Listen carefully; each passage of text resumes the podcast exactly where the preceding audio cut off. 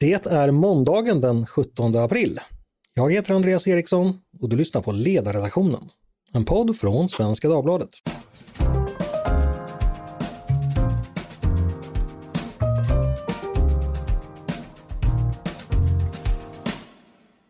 Varmt välkomna till oss! Hoppas ni har haft en skön helg och ett skönt påsklov för er som har firat det.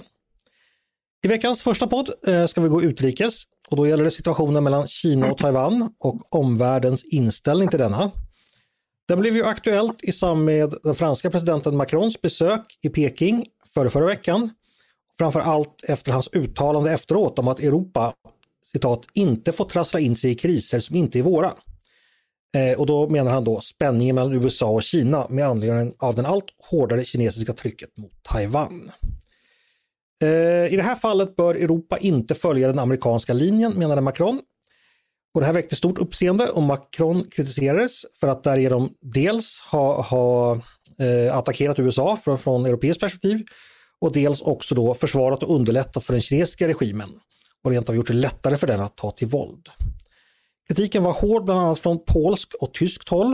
Eh, den tyska utrikesministern Anna-Lena Baerbock hon gjorde ett eget besök i Peking och meddelade då att citat, konflikter måste lösas fredligt. En ensidig våldsam förändring av status quo skulle vara oacceptabel för oss europeer. Sa hon efteråt. Men vad är då status quo eh, och vad är egentligen omvärldens inställning till den här konflikten mellan Kina och Taiwan? Hur ser EUs respektive USAs eh, syn på relationen ut? Hur ser Sveriges syn ut? Varför är det så att Kina är den officiellt erkända parten medan relationerna till Taiwan ser ut på ett annat sätt? Och vad ska man tycka om Macron respektive Baerbocks uttalande och agerande? Det tänkte jag vi skulle försöka reda ut idag. Med mig för att göra det har jag två erfarna gäster. Börje Ljunggren, diplomat och vår tidigare ambassadör i Peking. Varmt välkommen hit Börje! Tack så mycket! Och så min kollega på redaktionen, vår utrikespolitiska nestor Olof Ehrenkrona. Välkommen du också Olle! Tack, tack. Eh, jag tänkte vi skulle börja med Macrons besök och hans uttalande. Eh, Börje, vad tänker du om detta? Hur, hur kom det sig att Macrons uttalande efter besöket i Peking blev så uppmärksammat? Vad var det han sa som ansågs kontroversiellt? Ja, han, han följde ju inte EU-linjen. Va? Utan han, eh, I fransk tradition så eh, artikulerar han en egen, mer självständig roll. Eh, och det här är ju en så pass komplicerad och känslig fråga. Va? Eh, hela Taiwanfrågan är otroligt allvarlig och bygger på en, en balans där ingen får rubba det hela. Men nu, nu rubbar han ju, han, han, ville klart, han ville spela en roll, lite större roll än vad han borde söka. Dessutom så hade han med sig affärsdelegation och så vidare. Han togs emot på ett väldigt eh, kungligt sätt ut, eh, utav Xi Jinping och, och han, ja, det ledde till att det blev spänningar inom EU som ju, som ju inte är önskvärda i det här läget. var. Mm, okay. Och mer specifikt, på vilket sätt avvek han från eh, e EU-linjen? Ja, alltså han betonar inte klart nog Taiwans eh, betydelse för, för, för EU. Som, som en, en, det, det, är en av de större eh, frågorna idag faktiskt säkerhetspolitiskt, eh, geopolitiskt i världen. Va? Och, eh, eh och det finns en konstitution nu eh, som inte får rubbas eh, annat än i, i, för, i förhandlingar. Va? Eh, men han ger nu Peking lite extra utrymme. Va? Just eh, i, i, och det har, jag har varit de här händelserna under, under senaste månaderna med Pelosis besök och så vidare va? i Taipei och senast eh, talmannen, nya talmannens möte med, med, med eh, Taiwans president i Kalifornien. Allt det där liksom, är, är, är liksom på, på gränsen av vad, vad det här tål, den här konstruktionen. Va? Och så kommer då Macron och ställer till också. Va? Det är liksom eh, för mycket. Mm. Eh, Olle, bör Macron kritiseras för sitt uttalande? Vad är din inställning? Ja, jag tycker att han gick väl långt. Eh, och eh, en av de, de eh, främsta franska säkerhetspolitiska analytikerna, François Hesbour, han eh, tyckte det också. Eh, han menar att, att eh, Macron hade en egen linje mm. som inte var konsistent med, riktigt konsistent med EU-linjen. Så han, han var faktiskt rätt kritisk och mycket av det som han sa överensstämde med en del av den amerikanska kritiken. Eh, men inte all, för att den amerikanska kritiken är också lite överdriven. Jag ska bara ta ett steg tillbaka här Börje. Varför var Macron i Peking överhuvudtaget? Vad, vad var syftet med det besöket? Ja, det är väl mycket att han, att han söker en, en roll. Han vill nog vara Europas främsta företrädare internationellt så att säga. Va?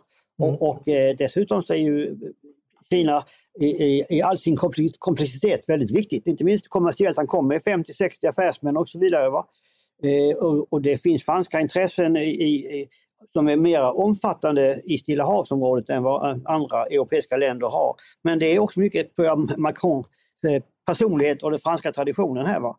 Eh, som gör att han, att han eh, gick vidare. Så kanske också att han mottog så enormt väl kanske också gjorde att han gick ytterligare lite längre i, i, i att, att eh, markera att, att, eh, man får inte, att USAs intressen är inte identiska med Europas och det måste man ju hålla med om i princip. Men här är en väldigt komplicerad fråga där han rubbar en, en balans som, som, som verkligen är mycket känslig, geopolitiskt känslig. Olle, en fråga där. Tror du, ska vi tolka Macron som att han verkligen ville sända det här budskapet? Eller så att säga, var det så att han pratade lite vilt och så blev det lite mer än vad... Alltså hur genomtänkt var hans uttalanden tror du? Det är svårt att säga. Alltså, han har ju haft en tendens att göra uttalanden som har varit lite, mm. lite väl nära klaveret. Eh, men ja. det finns också det finns också de som säger att det finns en rådgivare i bakgrunden som är en, en, en väldigt eh, påfallande golist, stark golist.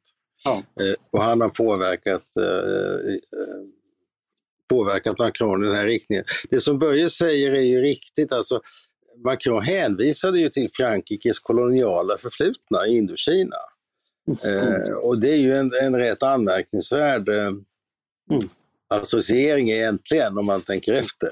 Mm, det är lite ja. som engelsmännen skulle hänvisa till sitt koloniala förflutna i, i en konfrontatorisk roll liksom, med USA. Det är inte, det är inte jättebra alltså. Mm. Mm.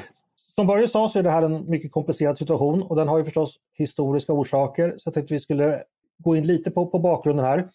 Eh, Börje, relationen mellan Kina och Taiwan och de respektive ländernas eh, situation idag varför ser den ut som den gör?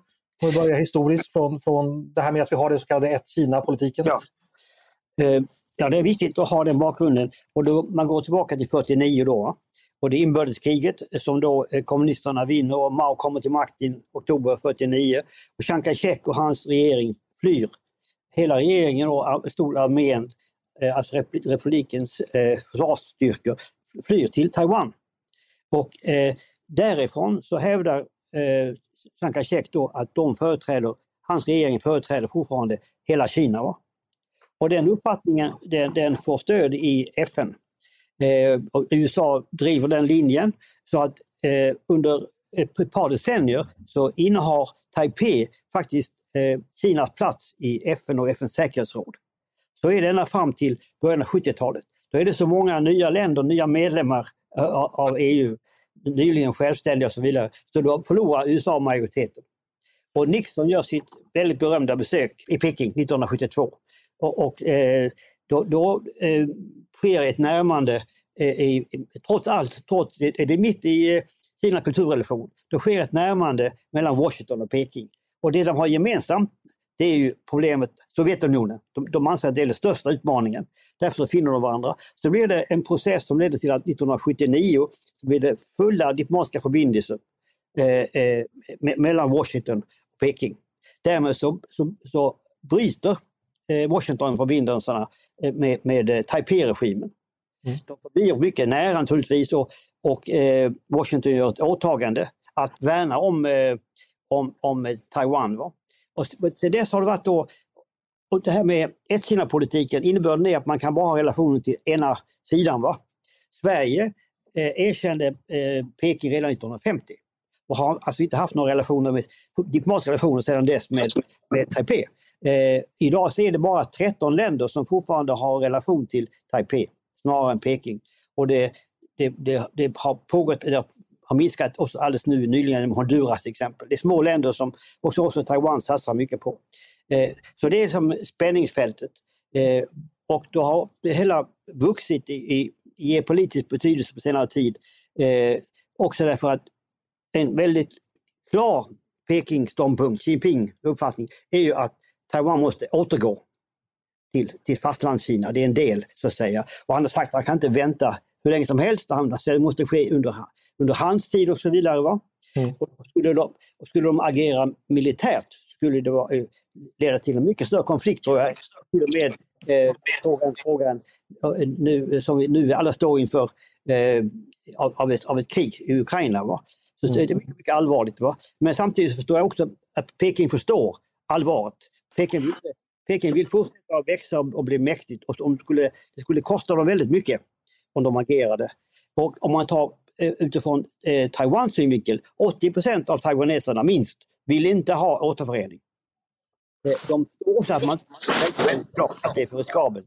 Men därför måste det här, som jag säger, status quo bevaras. Eh, Peking får inte agera för, eh, och ta tillbaka. Taipei får inte förklara självständigt. Eh, och USA måste stå som garant och med också då Europa bakom sig. Just det. det eh, alla med på detta då, alltså säga, eh, vi bytte helt enkelt Kina kan man säga då någon gång på, på 70-talet då, då Taiwan gradvis eh, försvann och eh, ja, Kina blev, fastlandskina så att säga, blev det erkända Kina. Eh, Olle, vill du komplettera eller utöka den här historieskrivningen med, med någonting? Ja, det är ju viktigt att, att uh, ha klart för sig att folkrättsligt så är ett-Kina-politiken uh, förankrad. Mm. Uh, det är en viktig, väldigt viktig aspekt i, i det här. Och när vi nu befinner oss i en, i en väldigt allvarlig konflikt med Ryssland som ytterst rör folkrätten och den territoriella integriteten, mm. så är det ju oerhört betydelsefullt att kunna klara ut för kineserna att antingen respekterar ni Ukrainas territoriella integritet eller också slår ni in på en väg som innebär att inte ens Kinas territoriella integritet kan respekteras fullt ut. Eh, och det här är ett viktigt kort i diskussionerna med Kina. Men, men eh, då får man ju inte göra så att man så att säga eh, sätter ner foten i, i på fel sida av demarkationslinjen när det gäller diskussionen om den här frågan mellan USA och Kina. Och jag menar att det finns andra aspekter på den amerikanska politiken med Kina och den franska eh, som rör till bilden här. Och det handlar om protektionistiska tendenser i båda länderna. Vi ska mm. återkomma till det strax. Jag ska bara ställa en liten fråga emellan här. Eh, det var ju så att tidigare stats och utrikesminister Carl Bildt, eh, han twittrade i, i helgen då så här. EUs syn på Taiwanfrågan måste vara att vi håller fast vid idén om ett Kina och följaktligen inte stödjer Taiwans självständighet. Eh, Börje, är det så att säga, uttrycker Bildt därmed den europeiska och den svenska hållningen som ni beskriver den helt enkelt? Ja, det är den enda Eh, eh, eh som hållbara hållningen. Och jag, och jag, eh, tror att det är väldigt viktigt, att, men det hindrar inte att vi kan ha omfattande relationer till Taiwan. Jag skulle önska att Sverige hade ytterligare eh, ambitioner vad gäller utbyte med Taiwan, vad gäller utbildning, forskning, kommersiellt och så vidare. Det är fullt förenligt. Va? Men samtidigt eh, att byta sida så att säga och förklara att man, man erkänner eh, Taipei-regimen, då har man raserat hela relationen till, till Peking var. Och, och, det vill ju ingen heller göra. Det är orimligt så att säga. Okej, okay. om vi plockar upp den här bollen om den amerikanska versus den europeiska linjen, Olle. Eh, har EU då, är, är det självklart att vi i Europa har en egen relation till Kina som står oberoende från den amerikanska? Eller bör vi så att säga samordna den till en gemensam västlinje? Hur har diskussionerna gått där? Alltså, man, eh, alltså amerikanerna vill ju heller inte ändra eh, Taiwans folkrättsliga ställning i, eller ändra ett-Kina-politiken. Så att här är ju EU och USA fullständigt överens. Men det finns andra aspekter i det här som, som, eh, som eh, rör till bilden. Dels så, till skillnad från Frankrike som ju inte har några aktuella intressen egentligen i Indokina, eh, så har jag, USA har ju väldigt stora strategiska intressen i Sydkinesiska sjön och i det område där Japan och Sydkorea finns. Och där har ju USA en, en, en säkerhetspolitiskt väldigt viktig roll att spela, inte minst för att hålla farvattnen öppna för eh, global handel och global trafik. Det är den ena aspekten på det.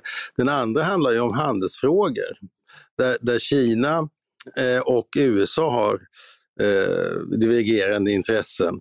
Eh, men där lustigt nog Frankrike är minst lika protektionistiska som amerikanerna kan, kan vara.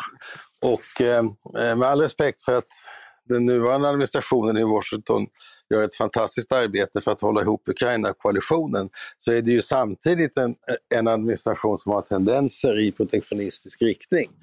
Och här skiljer sig EU och USA eh, attitydmässigt. Och, även, och här ingår Frankrike, eller här ska vi säga att EU, EU-linjen som majoritet eh, är ju mindre protektionistisk än vad fransmännen är. Det, det är ju notabelt att fra, de franska handelspolitiska åtgärderna är mer långtgående än de amerikanska. Mm. Vi släpper in Börje här. Det, det Olle säger att EUs intressen när det gäller handel och protektionism. Här skiljer vi oss från USA. Vad, vad tänker du om det? Jo, det är alltså det som Olle beskriver att det, det, spänningarna mellan Kina och USA har ökat väsentligt de senaste åren. Och, eh, och, det, och det har då lett till bland att en hel del handelspolitiska åtgärder vidtagits, inte minst från Washingtons sida, eh, i, i form av att man förbjuder exporten till exempel av high-tech eh, till Kina. Och det gäller väldigt, väldigt känsliga saker som halvledare till exempel. Hela den här nya teknologin som har en sån vi, vi har ännu inte förstått helt tror jag, innebörden av den. Men det, det märkliga där är att Kina har självt, Kina har utvecklats mycket mer än vad borde vara möjligt för att säga för en sån här partistat. Och det har de gjort eh, under en era av kan man säga, hyperglobalisering. Från det att, eh, att Kina började öppna upp 1978 och framåt. Men nu är vi inne i en ny era, mycket mer komplex era av decoupling och spänningar och så vidare. Och det driver ju USA i, i en geopolitisk eh, konfrontation med med, med, med Kina. Och då är frågan, ska EU följa med hela vägen? Eller har, vi, har EU en position av något slag, en egen ståndpunkt? Och då är det så att vi, vi är inte lika intresserade av ökad protektionism eh, som USA i det här läget faktiskt är.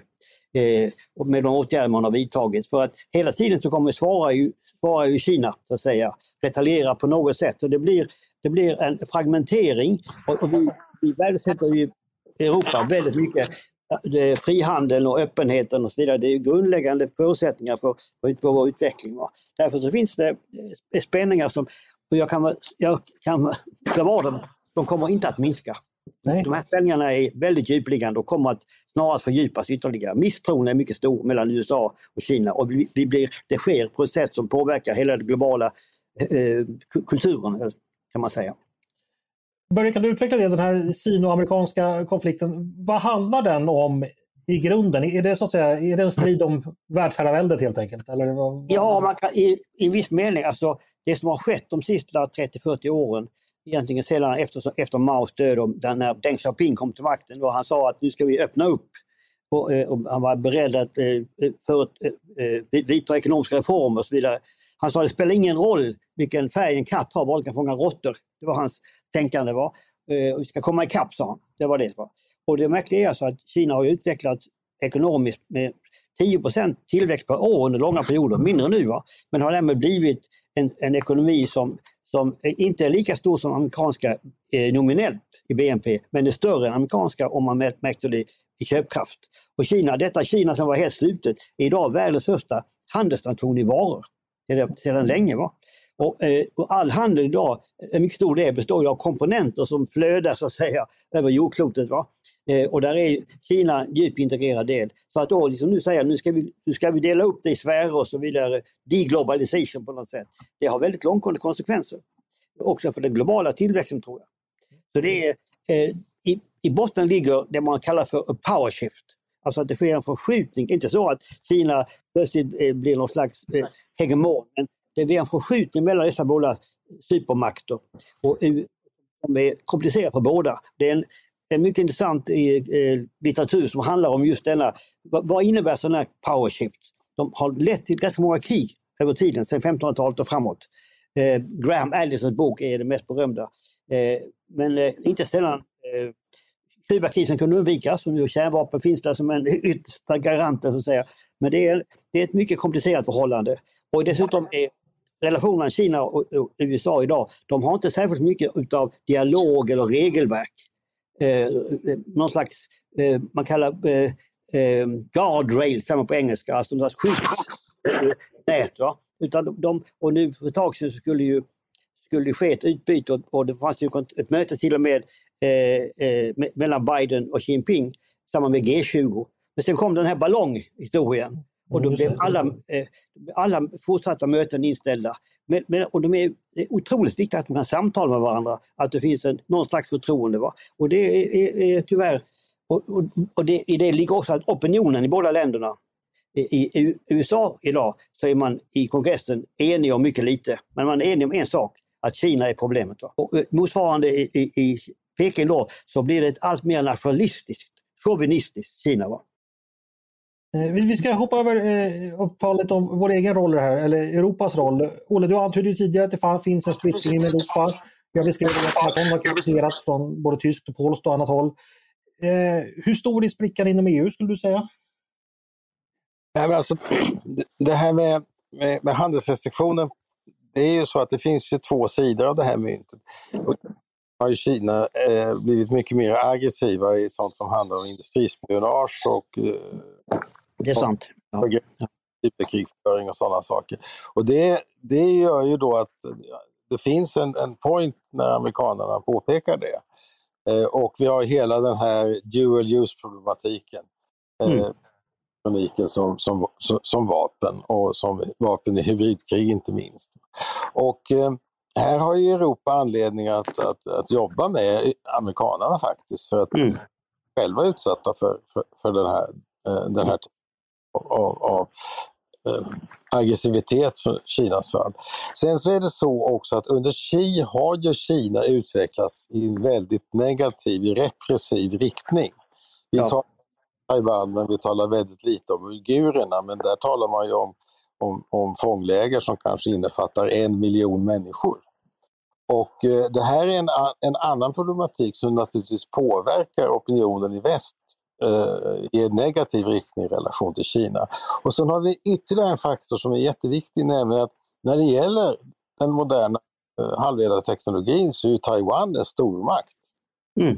Det är ju enormt betydelsefulla för den europeiska industrins försörjning med halvledare.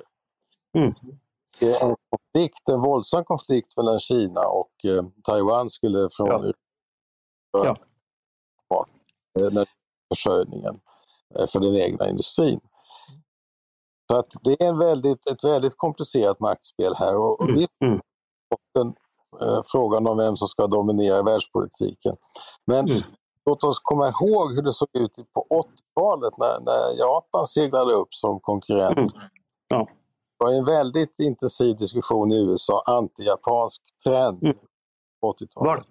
Den vek ju av sen när japanerna fick sina ekonomiska problem. Och nu ja.